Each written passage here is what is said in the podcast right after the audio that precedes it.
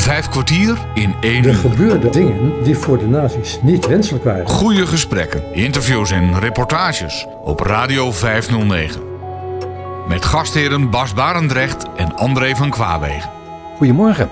Vandaag ben je terug in Leiden, waar het gesprek dat Bas vorige week met Ad van der Waals begon, weer verder gaat. Hun gesprek stopte toen met de melding dat de heer van der Waals na zijn werkzame leven in het bibliotheekwezen was begonnen met het schrijven van boekjes. En hoeveel van die boekjes heb je eigenlijk eh, achter de rug nu? Uiteindelijk, uiteindelijk zijn er vier of vijf geworden. Ja. Ook over het Friese, over een, een, een project in Friesland van een groep Friese blinden.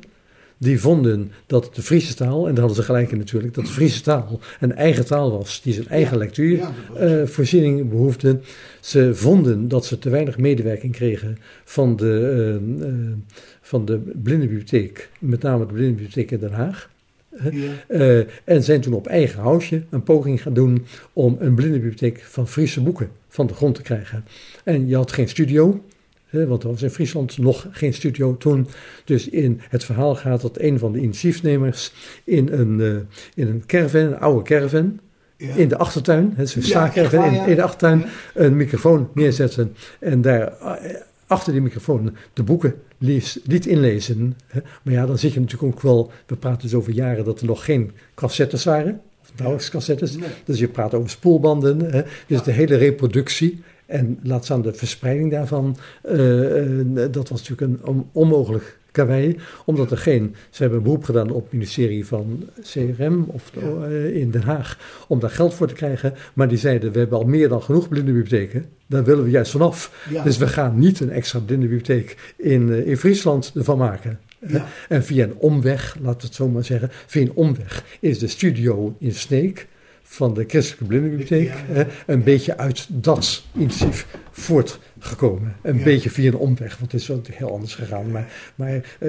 dat, is, nou ja, dat- is een hele mooie geschiedenis. En het was ook het eerste verhaal wat ik in een boekje heb vastgelegd. Oké.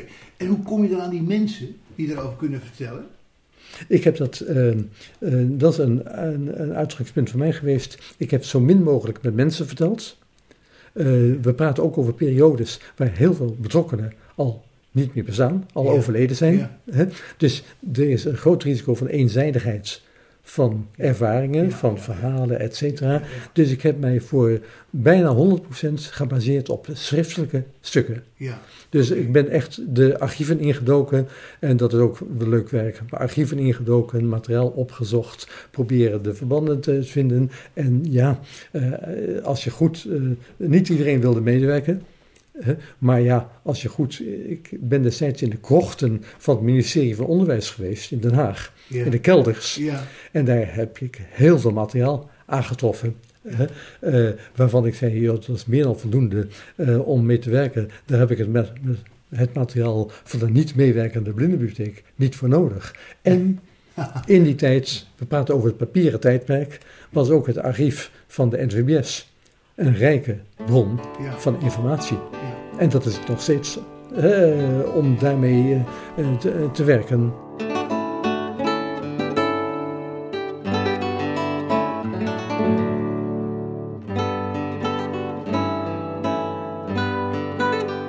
En waar is Adje dan nu nog mee bezig? Ja, dat is de, ook een vraag. Ja. Eh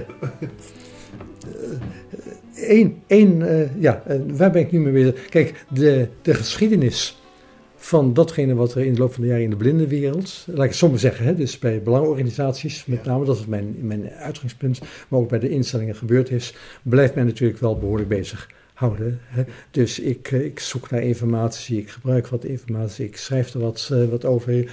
Eh een van de dingen die ik vorig jaar heb gedaan, eh, dat was een uitgebreid artikel over de omstandigheden van de blindenwereld tijdens de Tweede Wereldoorlog. Ja.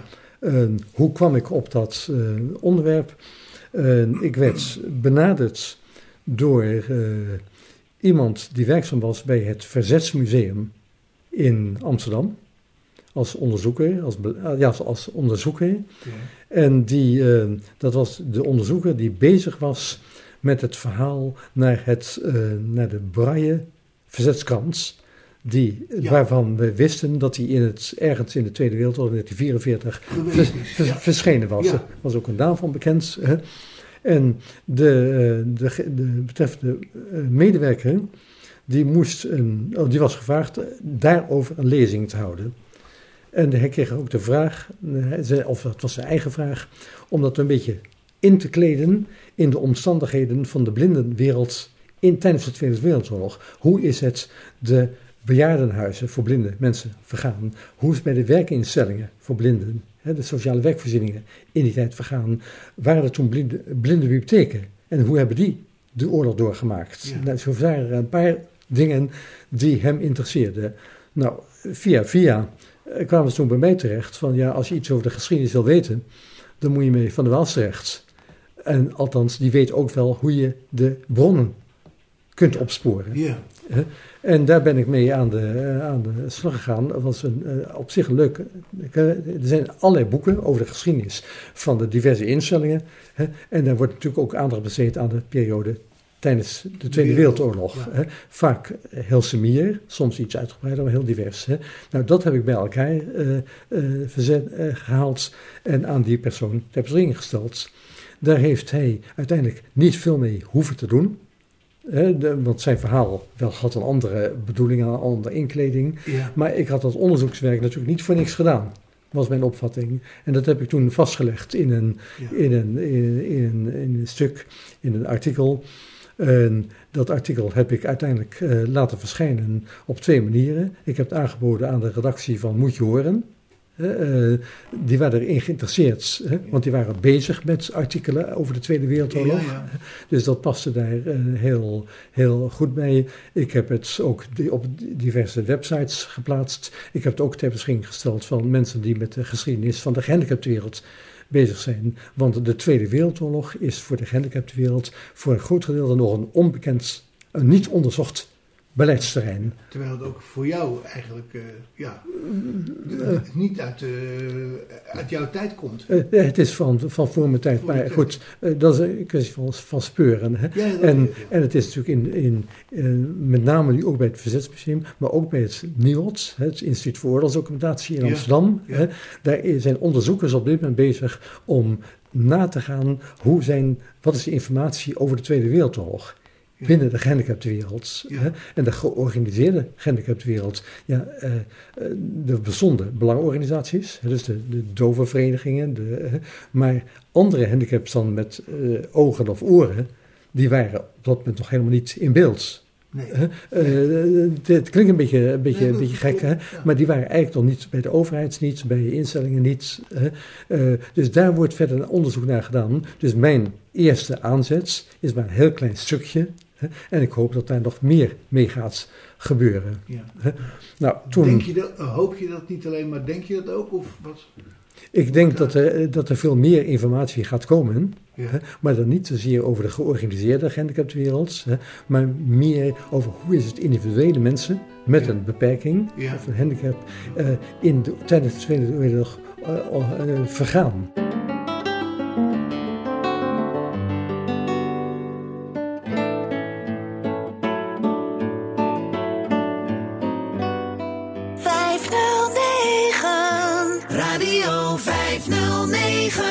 Een van de vraagtekens die er bijvoorbeeld is, van, eh, er was in, in Apeldoorn, denk ik, eh, in het, tijdens de was al voor de oorlog een, een, een instituut voor dove mensen met een verstandelijke beperking.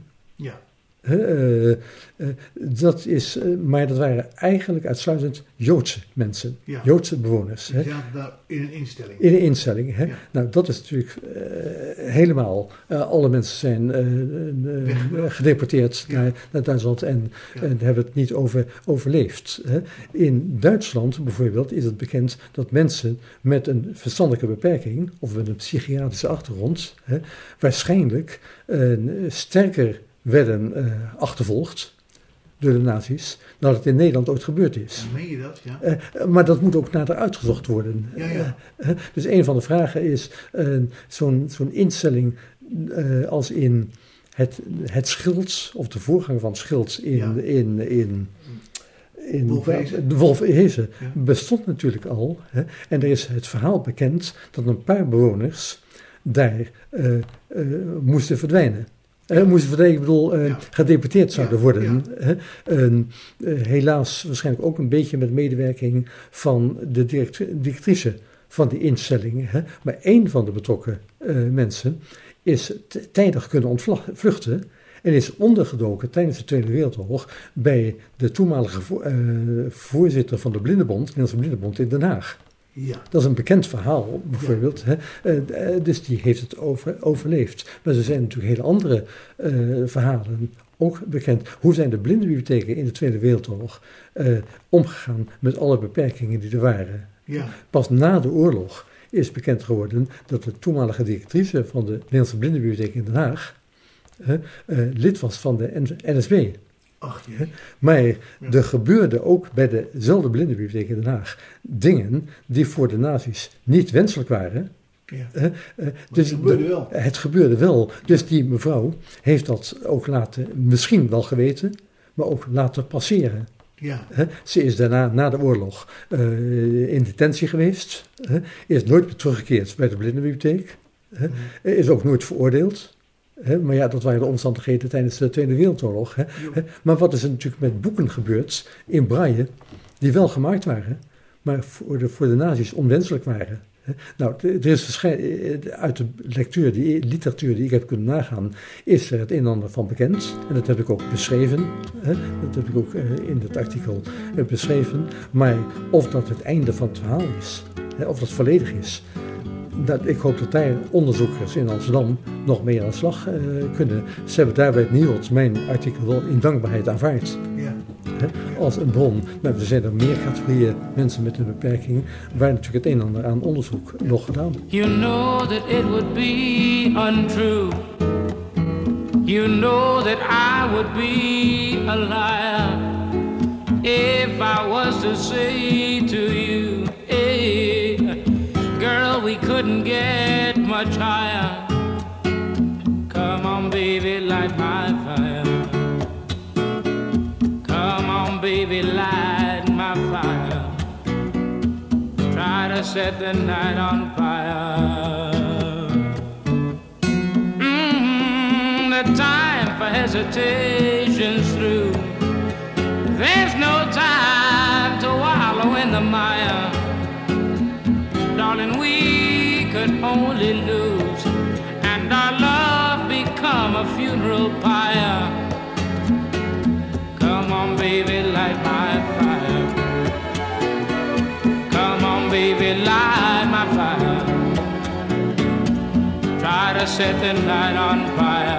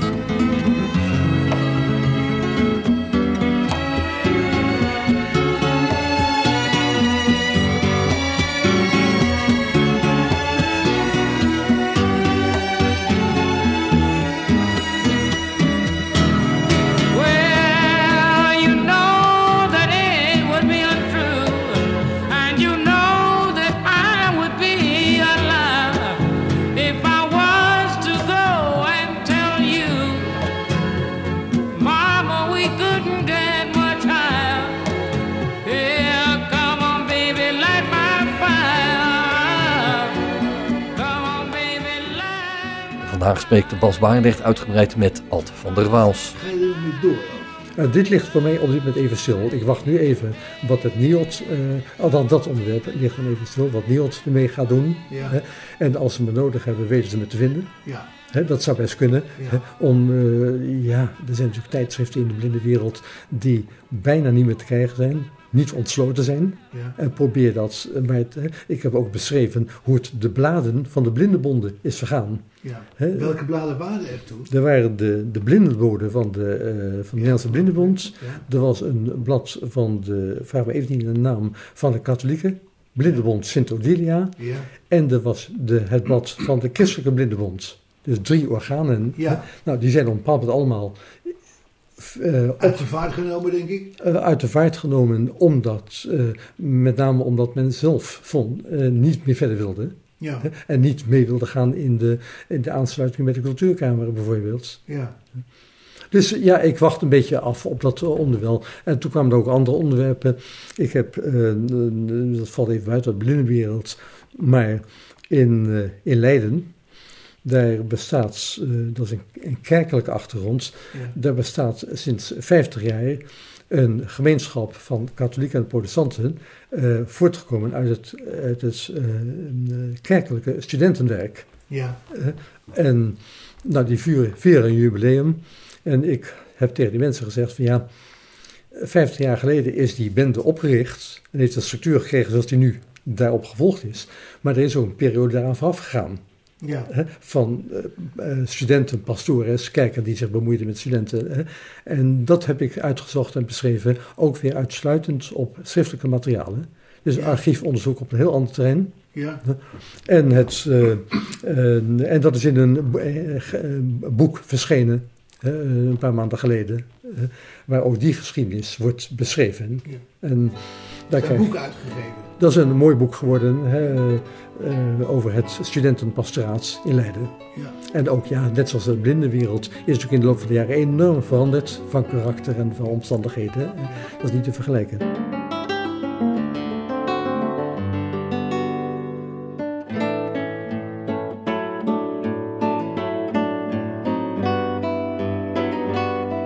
Waar ik nu mee bezig ben, en hoe kom je daarop?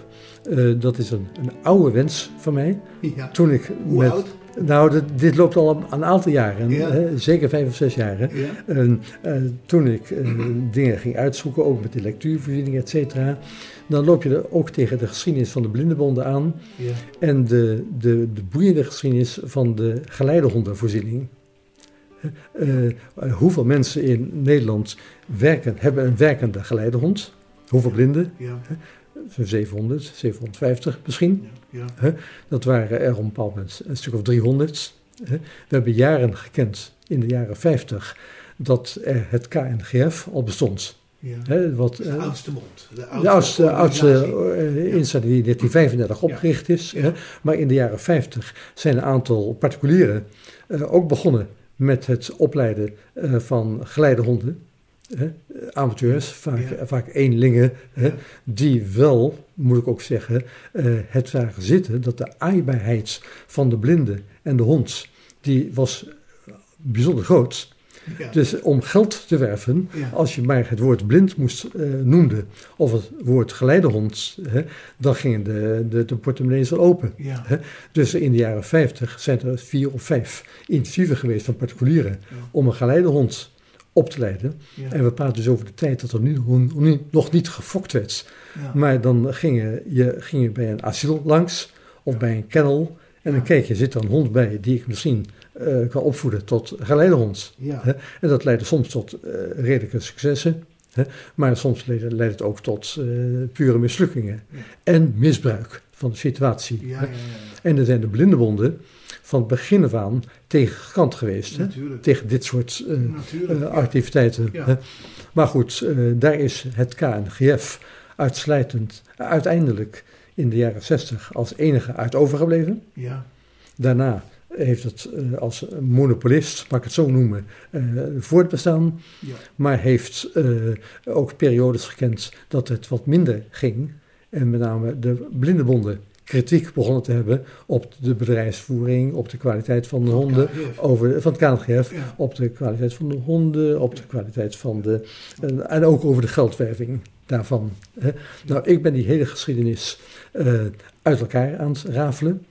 Dus de verhouding tussen de blindenbonden, onder welke naam dan ook. Ja. Of er zijn ook, ja, ja. ook verenigingen van geleidehondbezitters of gebruikers ontstaan. Eh, en er zijn natuurlijk naast, na het KNGF eh, in de jaren tachtig ook een paar hondenscholen eh, opgericht. Ja, naar aanleiding van rellen die er waren. Voor een gedeelte naar aanleiding van de, de, de rellen, voor een gedeelte ook, denk ik, ook uit een particulier of een commercieel motief. Er zijn ook wat, wat mensen aan de slag gegaan met honden, ook in, in combinatie met een, een, met, een dieren, met een dierenasiel. Of Ja. in in combinatie met wat anders. Hè. Daar heb ik verder geen oordeel over. Maar de hele geschiedenis is boeiend genoeg om te zien wat gebeurde nou bij de belangenorganisaties Ja, in die reeks van jaren. Ik ga in het, eh, dat gaat een artikel worden, het is een vrij uitvoerig artikel. Dat is in de maak. Ja. Dat probeer ik in de loop van deze maand, denk ik, of volgende maand af te ronden. En maar eens te kijken, een boek wordt het niet, hè, maar wel een publicatie die misschien de oude garde nog zal interesseren. ja. En de jongelui. En bij wie ga je dat aanbieden? nou, dat weet ik nog niet zeker. Eh, Kijk, eh, misschien dat ik dat bij de oogvereniging doe. En zeggen, ik kan de, de, thema, de themagroep geleidehonden niet iets meer doen. Het kan best zijn dat ik eh, bij de blindenbibliotheek zeg... Joh, maak daar een braille-editie van. Want het gaat toch voornamelijk over belangstellenden die braille lezen. Ja, Of dat er een Ja. gesproken uitgave komt, eh, daar moet ik over, over nadenken. Het ging mij er meer om dat ik bezig ben stukken geschiedenis op te halen ja, die een aantal mensen nog zal aanspreken, maar die toch een onderdeel vormen van de ontwikkeling naar de omstandigheden waaronder we nu. Hoe is eh, het feit, de omstandigheid dat er geen enkele vergoeding voor een hond was, was. Nee, die moet gewoon betaald worden. eh, dat is omgezet naar een, een gedeeltelijke voorziening vanuit de AAW. Ja, En het woord arbeidsongeschiktheidswets duidt al op dat alleen maar mensen die een betaalde baan hebben en geholpen moeten worden om die betaalde baan te kunnen voortzetten. Ja. En daar wordt een hond voor nodig. Ja. hè. Tot en met nu de, eh, de, de, de, de ziektekostenvoorziening, hè, de ziektekostenverzekering. Ja. Het zit in het basispakket van de ziektekostenverzekering. Dus iedereen die maar aanspraak maakt op, eh, op die voorziening, die zou in principe een hond kunnen krijgen. ja, Als het geld ervoor is, want ook dat is weer gemaximaliseerd aan bepaalde bedragen. ja. Dus het is niet zo dat er, als er nu eh 100 mensen zich nu aanbieden, hè, en er zijn 100 honden geschik, eh, beschikbaar, ja, dat die onmiddellijk ook voorzien kunnen worden. ja. Hè, die portemonnee is ook niet eh, even duur natuurlijk.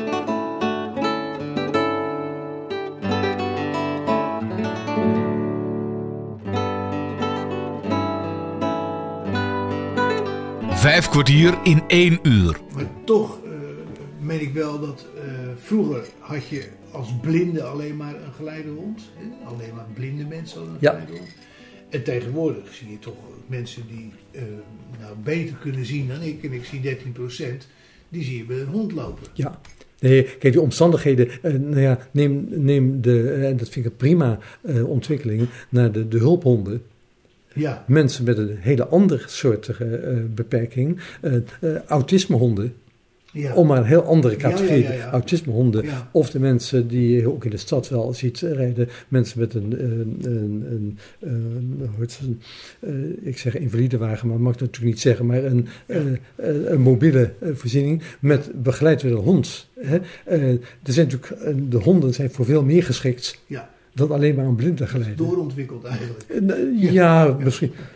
En dat vind ik een, een prima on- ontwikkeling en daar bemoei ik me ook verder niet mee. Maar de ontwikkeling, kijk, het KNGF speelt natuurlijk een, heeft een eh, ta- 85 jaar, want die bestonden vorig jaar 85 jaar. Ja, Hè? Daar is weinig aandacht aan besteed door de Ja. corona-omstandigheden. ja, Maar de, het KNGF heeft natuurlijk altijd het voortouw genomen. hè? ja. Hè? En achteraf zeg je, ja, is, het, is dat bestuurlijk, financieel, eh, eh, strategisch altijd wel even slim geweest hè? om zo, eh, zo te werk te gaan. Hè? Hoe, hoe ontstond er in de jaren 70 een, een, een, een club, een, gebruik, een ge- gebruikersgroep van geleidehondbezitters, ja. die het woord bezitter noemden, ja. terwijl ze nooit een nimmer eigen, eigenaar Nee, werden eh, konden worden van een hond. Nee. Hè? Want die regels lieten dat niet toe.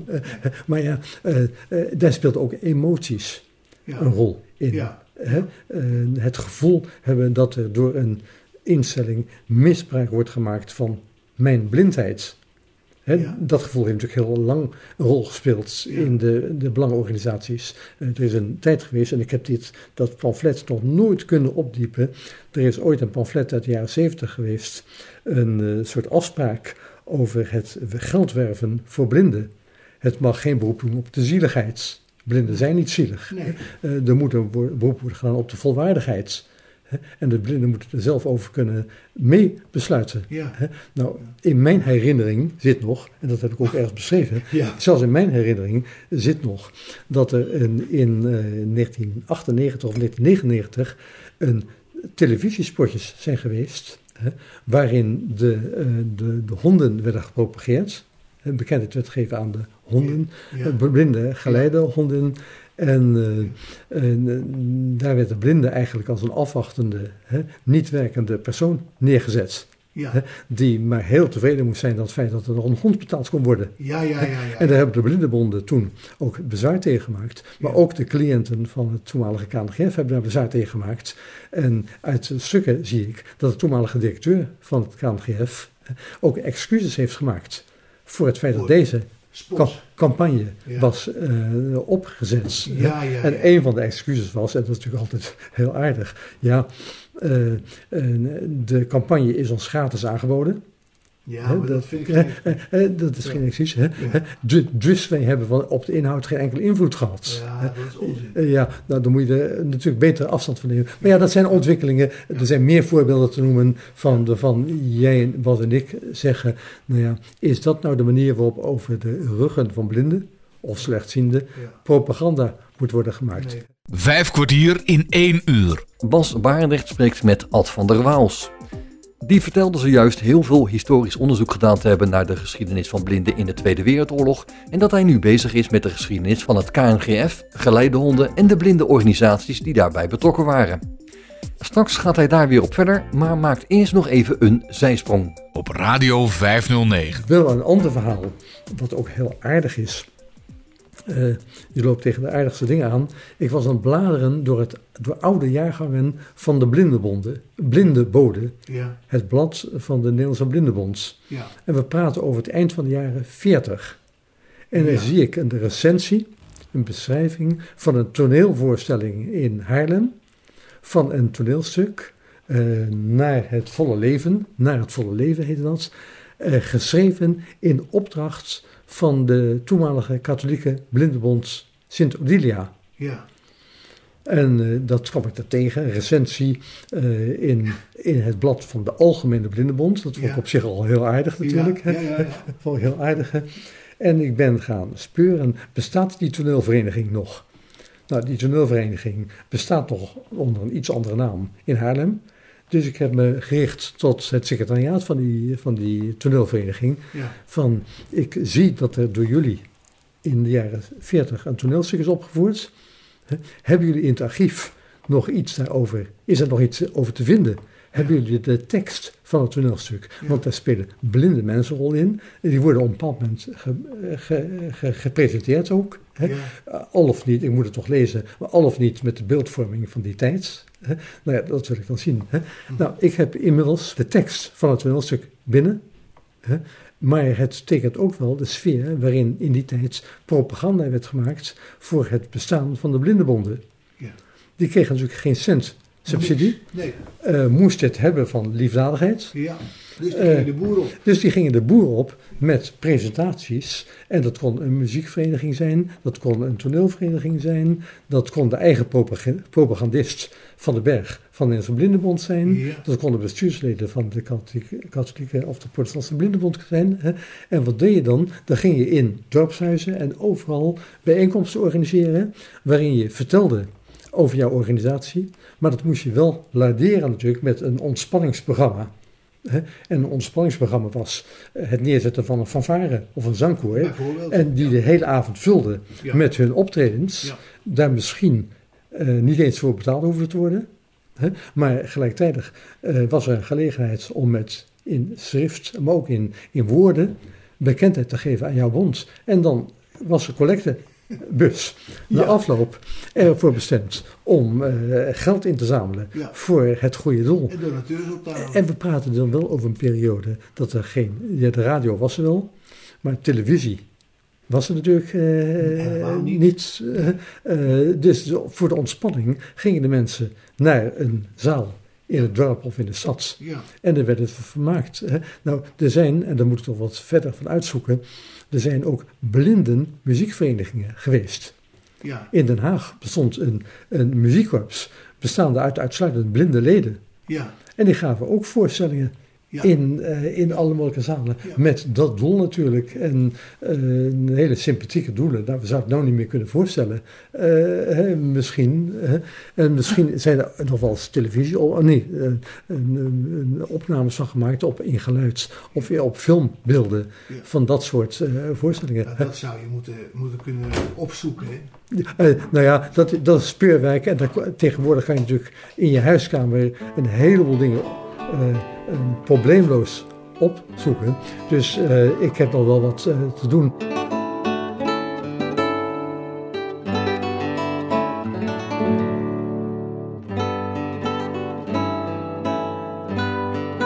Ook een anekdote, anekdote over geldwerving. Ja, Eh, we praten over 1953. 53. 1953, Ja. eh, het toen bestaande KNRF, en dat was toen de enige eh geleiderhondenvoorziening, Ja. en kreeg de medewerking van de omroepen. De, de, de, de, de, de, de AVRO en de VARA, NCV de- ja, en de VARA. Ze waren al- altijd wel geïnteresseerd om bekendheid te geven Ja. aan, aan dit soort activiteiten. Het KNRF voerde puzzelacties in kranten. Ja. Puzzelacties, Oh, rebusacties. Ja, ja. Eh, een beetje uit de tijd. Maar eh, in 1953 organiseerde het KNGF, ik denk samen met de AVRO, een aantal avonden met een soort wedstrijdelement en een, een, een gifte-element. En die heeft eh, eigenlijk niet eens zoveel geld opgebracht. Maar eh, de pech was voor de KNGF en voor de, ehm, voor de AVRO dat toen ook de, de dijkdoorbraak in Zeeland aan de orde was. 53. In 1953. Dus geldwerving in die, dat jaar stond helemaal in het teken van de watersnoodramp. Ja. Dus de opbrengsten van die actie zijn uiteindelijk naar, De watersnood. naar de watersnood eh, gaan. Hè? En in een later stadium, en dan weet ik niet eens even waar het voor was, in 1956, de opstand in Hongarije. Ja. Hè, 1956, Jo. voor, voor de, de, de, de, de ouderen onder de luisteraars, die weten dat misschien nog wel. Er was een opstand in, eh, eh, tegen het bewind in, in Ho- Hongarije. Ja. leefden enorme eh, aantallen vluchtelingen op, die ook naar Nederland eh, kwamen.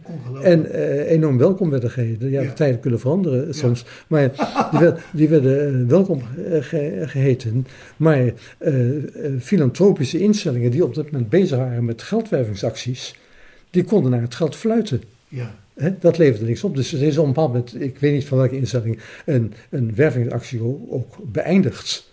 Ons motto, dat heeft geen enkele zin. Alle moeite die we nu doen, dat moeten we maar vergeten. En wat we hebben binnengekregen, gaan naar de Hongaren. Ja. En niet naar, niet naar het Hongaarse bewind, maar naar de Hongaarse vluchtelingen. ja. En eh, laat maar zitten. Ja, Dat raad heeft Open het Dorp het beter gedaan. eh, en heeft natuurlijk eh, in die zin het tij meegehad. Ook publicitaire tijd meegemaakt. ja, Met een mevrouw die daar eh, volledig eh, eh, achter stond. En Ja. een directeur van het revalidatiecentrum in, in, in, in Arnhem. Dus dat is natuurlijk een enorme geslaagde actie. Waarvan in de gehandicaptenwereld tegenwoordig nogal wordt gevraagd van... Nou, is dat nou de beste oplossing voor problemen geweest? Maar ja, het, het denken verandert ook in die tijd natuurlijk.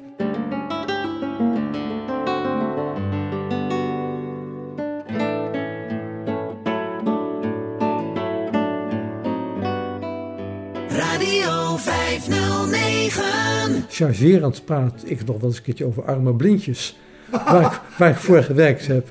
Nou, er is een, een, een, een, een vroegere hospitaal van ons, een vroegere hospitaal, eh, die, eh, dat gaat al jaren terug, die wist dat ik op dat moment in de sfeer van de blindenbibliotheken werkzaam was. Had geen flauw idee wat ik dag in dag uit deed. Ja. Maar had waarschijnlijk het idee dat ik de hele dag eh, cassettes zat, zat voor, in, te, In te lezen. Of braille zat te maken. En tijdens, en tijdens verjaarsvisites eh, eh, kreeg ik te horen. En dat, dat, dat kreeg ik te horen, maar dat zei ze dan eigenlijk voor alle omstaanders tijdens haar verjaardagsvisite. Van ja, Ad, je doet zoveel nuttig werk voor al die arme blinde mensen. nou, dat, dat heb ik op dat moment ook maar gelaten. Ja, dan moet je geen discussie over Nee, hebben natuurlijk. Hè. Maar ja, dat zijn natuurlijk de veranderingen in de tijd. Hè. En daar kan je nu met, met enige eh, humor over praten. Of ook soms zonder humor. Want er gebeuren natuurlijk ook dingen waarvan je achteraf... Kijk, een van de karweien, ik noem het toch even... waar ik eh, ook bij betrokken raakte. En eh, niet alleen maar met, met hu- humor...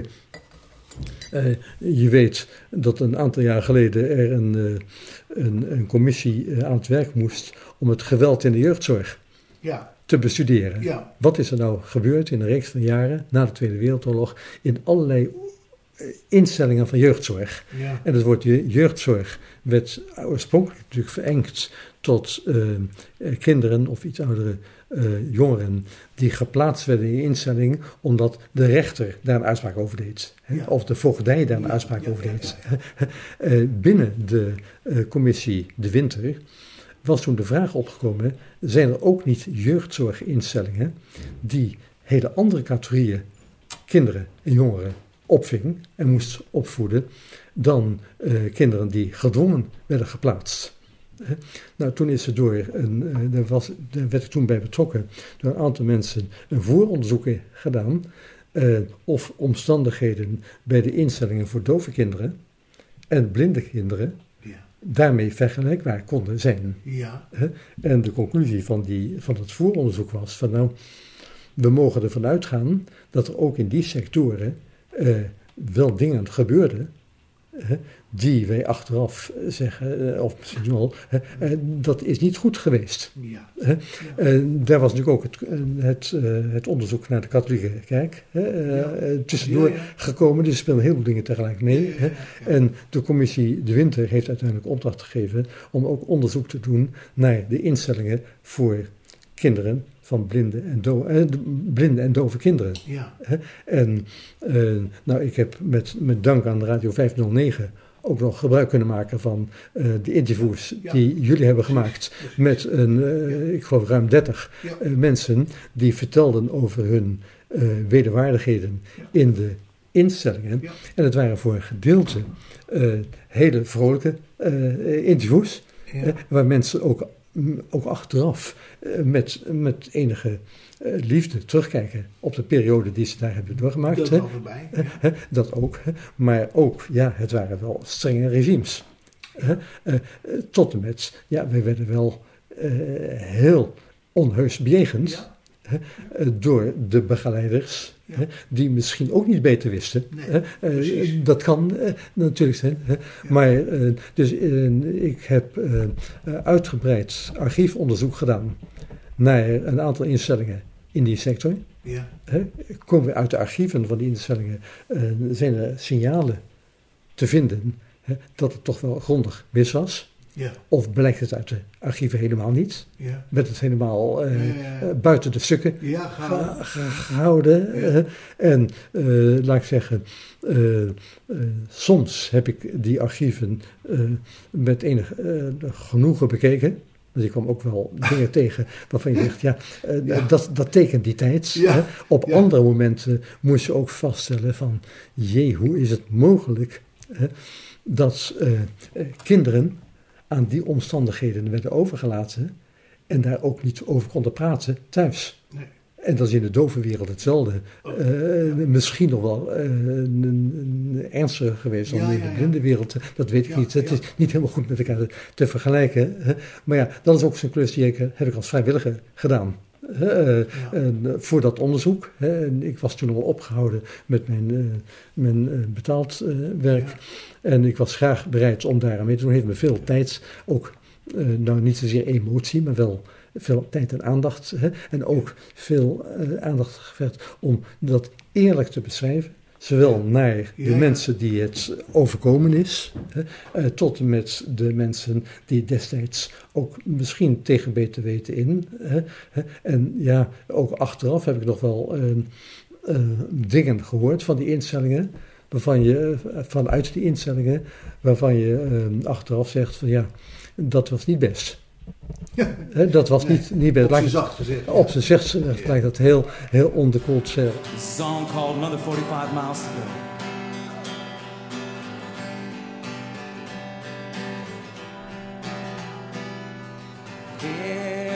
comes the night.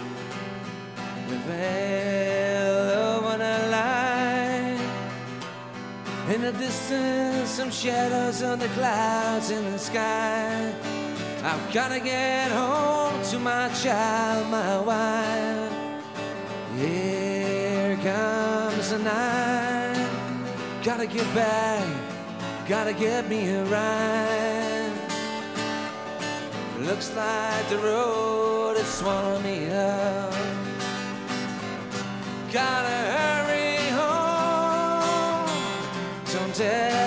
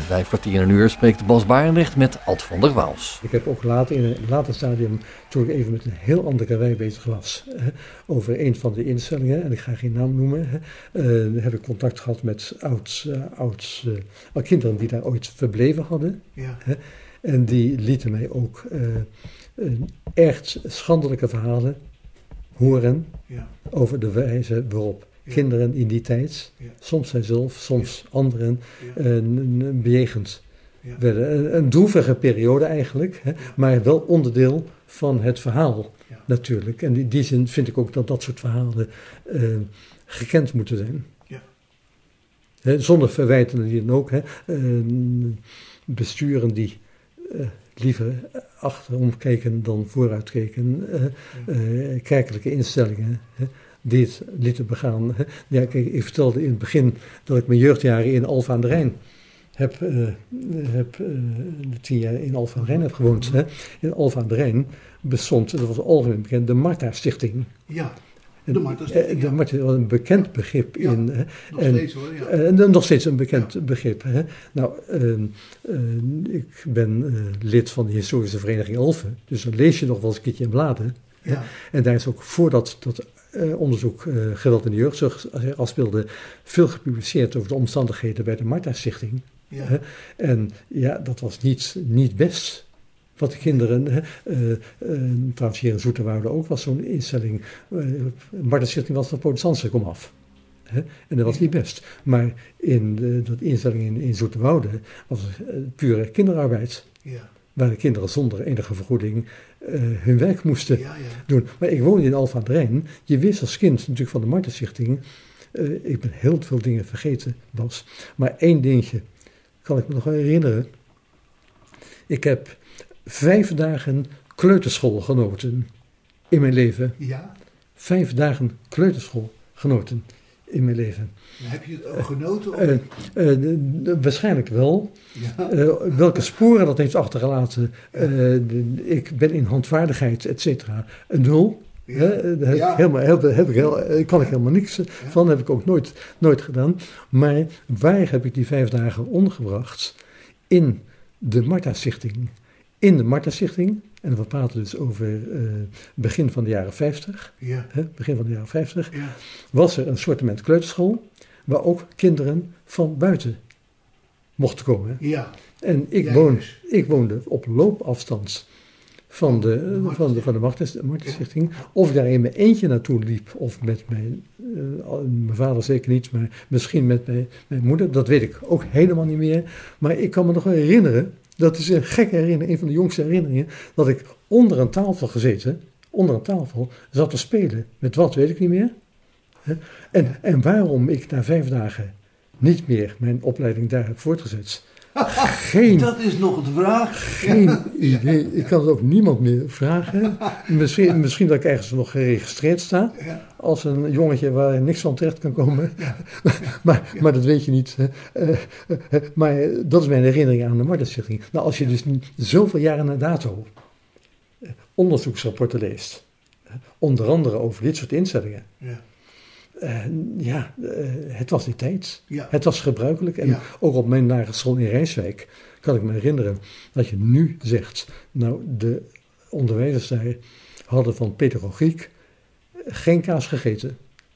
Zeker het hoofd van die school niet. ja. Die hadden geen kaas van gegeten. Als je nagaat hoe ze dan in een klas met pak een beetje 40 kinderen, geef het je te doen, Ja, hè, maar eh, dan omgingen met die klas. Ja. Eh, eh, ik heb wel eens met oud-klasgenoten daarover gehad. eh, maar ja, dan zijn de herinneringen van iedereen heel verschillend. ja, hè. precies. Dat rapport, eh, Oh ja. eh, geweld in de jeugdzorg, ook bij de instellingen. Kijk, ik, ik hoop dat in ieder geval. eh, kijk, dat rapport is ook aangeboden aan de, de instellingen in de blindensector. Hè? Dus eh Visio en Bartimeus Ja, en eh, hun vestigingen. Maar ja, eh, er zijn geen kinderen meer die als vijfjarigen eh, uit huis worden weggehaald nee. en naar een school gaan. meer. Nee. En, en één keer in de, dat is in de jaren tachtig Ja. al opgehouden. Dus in die zin kan ik me ook wel voorstellen dat bij, van die kant werd gezegd, ja, het gaat over een, een periode ver voor onze tijd. Ja, En dat is voor een gedeelte ook wel waar natuurlijk. ja. Ik heb, ik heb eh, wel contact met ze, met ze gehad in die periode. En daar, daar kan ik ze niet ongelijk geven. En dat is wat anders natuurlijk dan een instelling waar een, eh, jongeren van 16, 17, 18 jaar hier in, in, in Sassenheim in de jeugdgevangenis zitten. ja. Die natuurlijk in zekere zin ook doen denken aan zo'n instelling Ja, van jeugdzorg. Ja, En eh, hoe gaat het daardoor? Daar heb ik geen, geen beeld van. En de boodschap van de commissie Winter voor die categorie instellingen is natuurlijk een hele andere dan de paar instellingen in onze sector. ja. En dat gaat ook voor de doofinstellingen. Ja, overigens.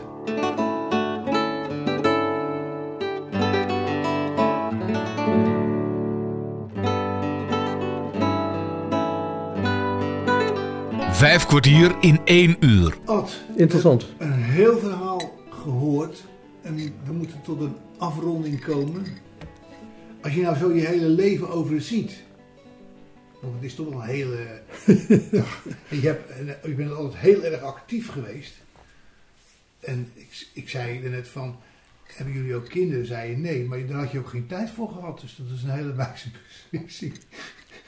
Dan was het een heel, heel ander leven geweest. Ja, dat Eh, was het. eh, Ja. nee, kijk, zo, je kan het niet met elkaar ver- vergelijken. Af en toe denk je, jongens, eh, ik ben- blij dat ik die, die sores eh, Mhm. eh, niet heb. maar er zijn natuurlijk aan, aan alles wat je in je leven meemaakt, zit er een keerzijde Hè? En eh, eh, ja, eh, eh, er zijn natuurlijk mensen eh, die kunnen zeggen: ja, je mag blij zijn dat je ooit aan een vrouw bent geraakt. Want dat had je eh, eh, zoveel jaar geleden ook niet, eh, niet kunnen be- bevroeden. Eh, maar ja, ja, de grote filosoof in Nederland, Cruijff, die zou daar zijn elk, elk nadeel heel zijn voordeel, of het omgekeerde. Ja. Zo, zo, zo, gaat dat. nog één dingetje zeggen. Want jij vroeg ergens, en daar ben je niet op teruggekomen, van je bent ooit een, relatie aangegaan. Hoe hebben jullie elkaar leren kennen? Ja. Ik heb een, een aantal jaren ben ik zeer actief in de politiek geweest. In de politiek. Ja. Eh, dat was in de tijd voor het CDA. Dat dus de CAU en de KVP en de ARP bestonden. En in de jaren 60, eind van de jaren 60, 70, werd ik zeer actief binnen de ARIOS, de toenmalige eh, jeugdorganisatie, jongerenorganisatie van de ARP. Ja. Eh, eh, de tijd van Biesheuvel, Ja. eh, Berend, ja. Berend, eh, Barend, Barend, Barend, ja, Barend Biesheuvel, Ja. dat soort dingen. Ik ben zelfs een aantal jaren gemeenteraadslid hier in Leiden geweest. Dat was toen wel in de gemeenschappelijke fractie met de KVP en de CU onder de naam CDA. Maar toen het landelijke CDA ontstond, de fusie aanging, behoorde ik tot de dissidenten. De dissidenten die eh, eh, eh, niet mee gingen of wilden gaan in die fusie. Ja. Dus ik heb toen de actieve politiek ook verlaten. Ik ben uit de gemeenteraad gestapt. Hè? En de aanleiding om het nog, nog wat aardiger te maken. Toen ik een sollicitatiegesprek had met een aantal heren, om heren, voor het Centraal Orgaan Lectuurvoorziening. Dus we Ja. praten over 19, eind 1983. Ja. Onder de aanwezigen in de commissie was Louis de Vos, eh, directeur van het CGL. Ja. Ja. Eh, naast een aantal anderen. Louis de Vos had de stukken gelezen en had ook mijn eh, cv gelezen. Ja. En die stelde de curieuze vraag, meneer Van der Waals, meneer natuurlijk, meneer Van der Waals, ik zie dat u in 1978 in de gemeenteraad van Leiden bent gekomen. En ik zie ook dat u eh, in 1981 eh, uit de gemeenteraad bent gestapt. Ja. Dat is geen volledige periode van vier jaar geweest. Ja. Wat is er gebeurd? Of wat was er voor u de aanleiding? Daar was hij in geïnteresseerd. Daar was hij in geïnteresseerd. Ja. Ja, eh, Louis, jij Ja, hebt hem gekend. ja, natuurlijk Louis, Daar was. Louis eh, zeer geïnteresseerd. hè. Eh, Dat vond hij heel boeiend. hè. Nou, toen heb ik naar eer geweten gezegd dat de aanleiding was het ontstaan van het landelijke CDA. En eh, eh, eh, om, om eruit te stappen. En dat dat ook betekent dat ik uit de gemeenteraad stapte. Nou, een hele goede verklaring, vond ik. Dat werd, kwam, is toen niet meer uitgewerkt in het gesprek. Maar in een later stadium, dus toen ik al met die baan bezig was, heeft Louis de Vos mij gezegd dat zijn motief om voor mijn aanstelling te, te kiezen, was mijn antwoord op de vraag over mijn politieke Oh voorkeur. ja. maar nou je vrouw. En, en in, in, Ja. bin- binnen de ARIOS, binnen de jonge organisatie, eh, was Rennie ook actief. Oké. Dus we kwamen elkaar daar tegen. En ja, van het een is toen het ander gekomen. Komen, Ja. Zo gaat dat in jongere organisaties. En waar woonde jij toen, Ad? Ik woonde toen in Amsterdam, Ja. want het was nog parallel aan mijn opleiding in eh, mijn opleiding eh, bij de Bibliotheekacademie. Ik Ja. was van Hilversum verhuisd naar Amsterdam Ja. in dat laatste jaar. Ja. En ik woonde dus in Amsterdam. En eh, nou, omdat Rini al in Leiden werkte, een baan had, Ja. en eh, ik een baan kon krijgen in Leiden, was het heel makkelijk dus ik om dat met elkaar te combineren. Dus je woont hier al. Van 1973. Ja. Dus eh, ik hoor bij Leiden, ja. Ik hoop dat je hier nog heel lang blijft. We doen ons best wel eens. Je hoorde Ad van der Waals. Ik bedank je namens Bas Barendrecht voor het luisteren. En heb je overigens nog vragen of opmerkingen, of wil je zelf eens aan het woord komen, dan kan je een mailtje sturen naar bas.radio509.nl. Geniet van de rest van deze zondag, blijf luisteren naar Radio 509 en tot een volgende keer. Vijf kwartier in één uur is een programma van Bas Barendrecht. Techniek André van Kwaabegen.